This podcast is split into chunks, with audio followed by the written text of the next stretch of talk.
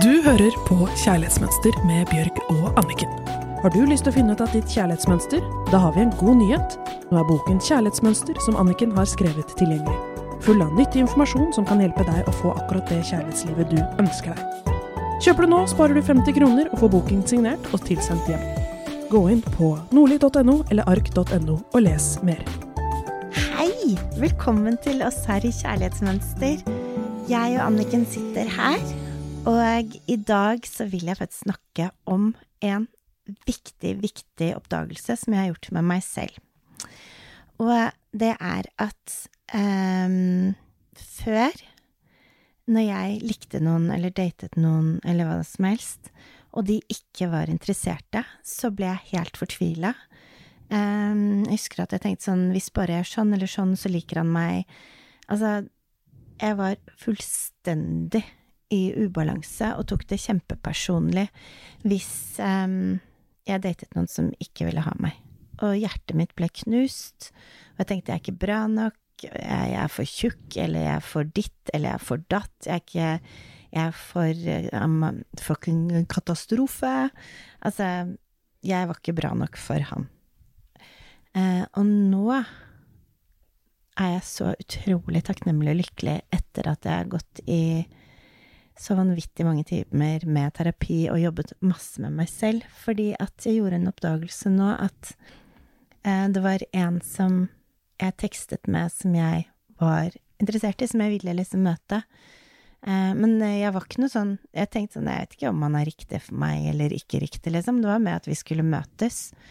Um, og det var sånn at jeg tenkte, jeg hadde noen sånne haker ved jeg tenkte sånn, kanskje han ikke er riktig, og, men kan, det er interessant å møtes og se om det blir noe. Og så eh, sluttet han bare å tekste, sånn at jeg hørte ikke noe mer fra han. Og så skjønte jeg liksom, han er ikke interessert. Og det som er sykt interessant, det er at jeg kjenner meg selv før og nå. Og jeg vet at før så hadde jeg vært skikkelig på, og jeg hadde skrevet sånn Jeg hadde skrevet meldinger til han med liksom spørsmålstegn eller eh, Skal vi møtes, eller hva skjer, eller jeg hadde sendt han et eller annet i posten, eller liksom Jeg hadde liksom prøvd å få hans oppmerksomhet.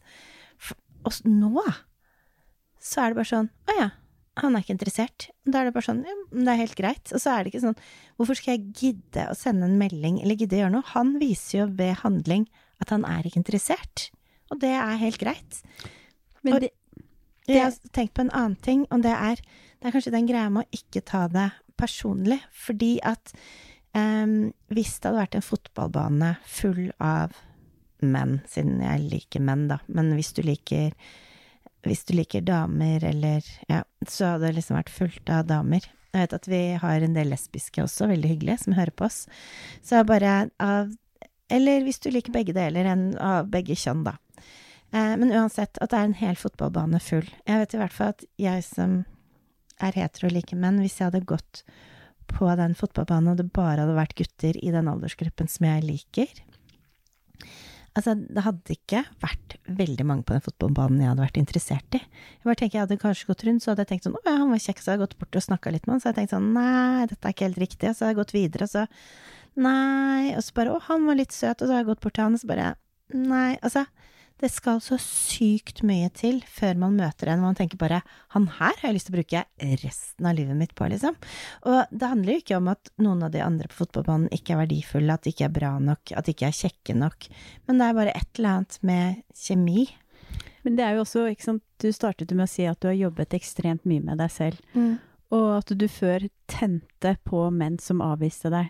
Og det var jo fordi at før så var det jo ditt gamle kjærlighetsmønster som bestemte i gåstegn når det kom til uh, kjærlighet. Det var mønsteret ditt som fikk tenning på det det var mest kjent for. Og du var jo vant til å ikke bli sett. Du var jo vant til å bli mer avvist.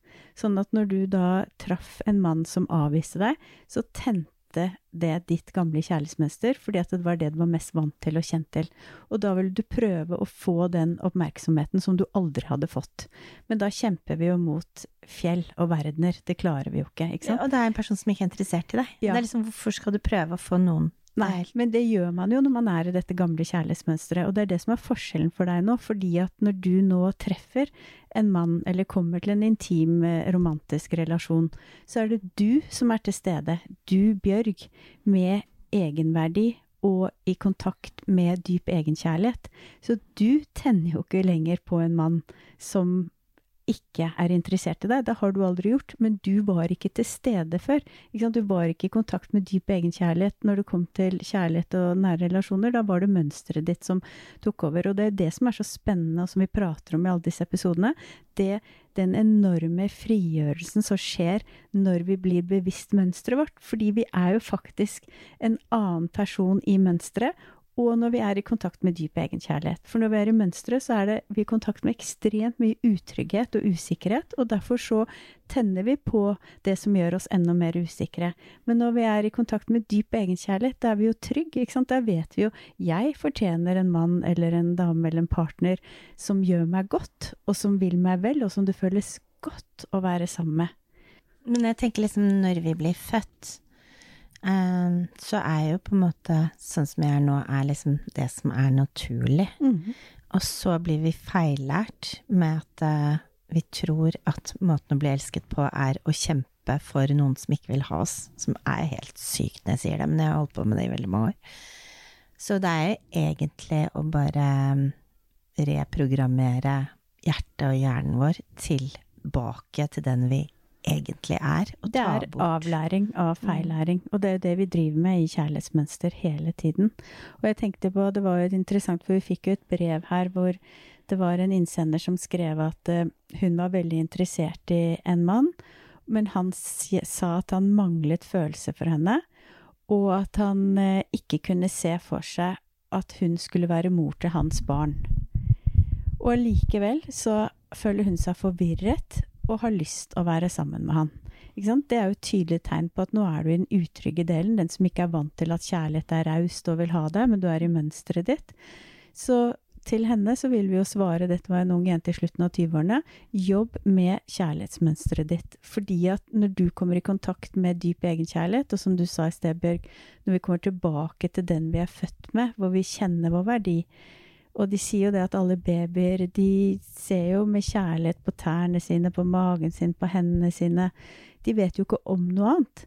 Så når vi er kommet oss nærmere tilbake til den vi er, så vil man ikke være frustrert hvis noen sier at jeg hvis man har veldig lyst, som den innseren hadde, å gifte seg for barn, og så treffer du en mann som sier at 'jeg har ikke de følelsene jeg skal ha for deg', og 'jeg vil ikke gifte meg med deg, jeg vil ikke få barn'. Men jeg vil fortsette å date deg og se deg. Akkurat. Men da tenker jeg men da vil man ikke, som den kvinnen, hvis man har frigjort seg fra det dysfunksjonelle kjærlighetsmønsteret sitt, og er i kontakt med dyp egenkjærlighet, da er man ikke lenger frustrert. Da vet man dette her er ikke riktig for meg. Jeg har lyst på en som elsker meg og som vil ha barn med meg. Det er det jeg skal finne. Så den frustrasjonen går jo på at man er ikke i kontakt med dyp egenkjærlighet. Man er fortsatt i mønsteret. Og man er frustrert i det mønsteret, for man opplevde ofte så mange ting i forhold til nære relasjoner og kjærlighet som var frustrerende og var vanskelig for å forstå. Nå, hvorfor er jeg ikke god nok for deg? Hvorfor har du ikke lyst til å bruke tid med? Hvorfor ser du ikke mine behov? Hvorfor har du ikke lyst til å være sammen med meg og gi meg den kjærligheten? Som veldig mange vokste opp med på et eller annet plan. da. Så det er igjen bare copy-paste. Vi driver og gjentar dette mønsteret helt til vi har forstått hva det er, og klarer å bryte ut av det. Og det er det som er så fantastisk at du har gjort. For den reisen har du jobbet skikkelig lenge med, Bjørg. Og nå er du et helt annet sted, og det ønsker vi for vår vakre innsender, jente i slutten av 20-årene, at du også skal komme, og alle andre lyttere som sliter med det, og tro at kjærlighet er vondt.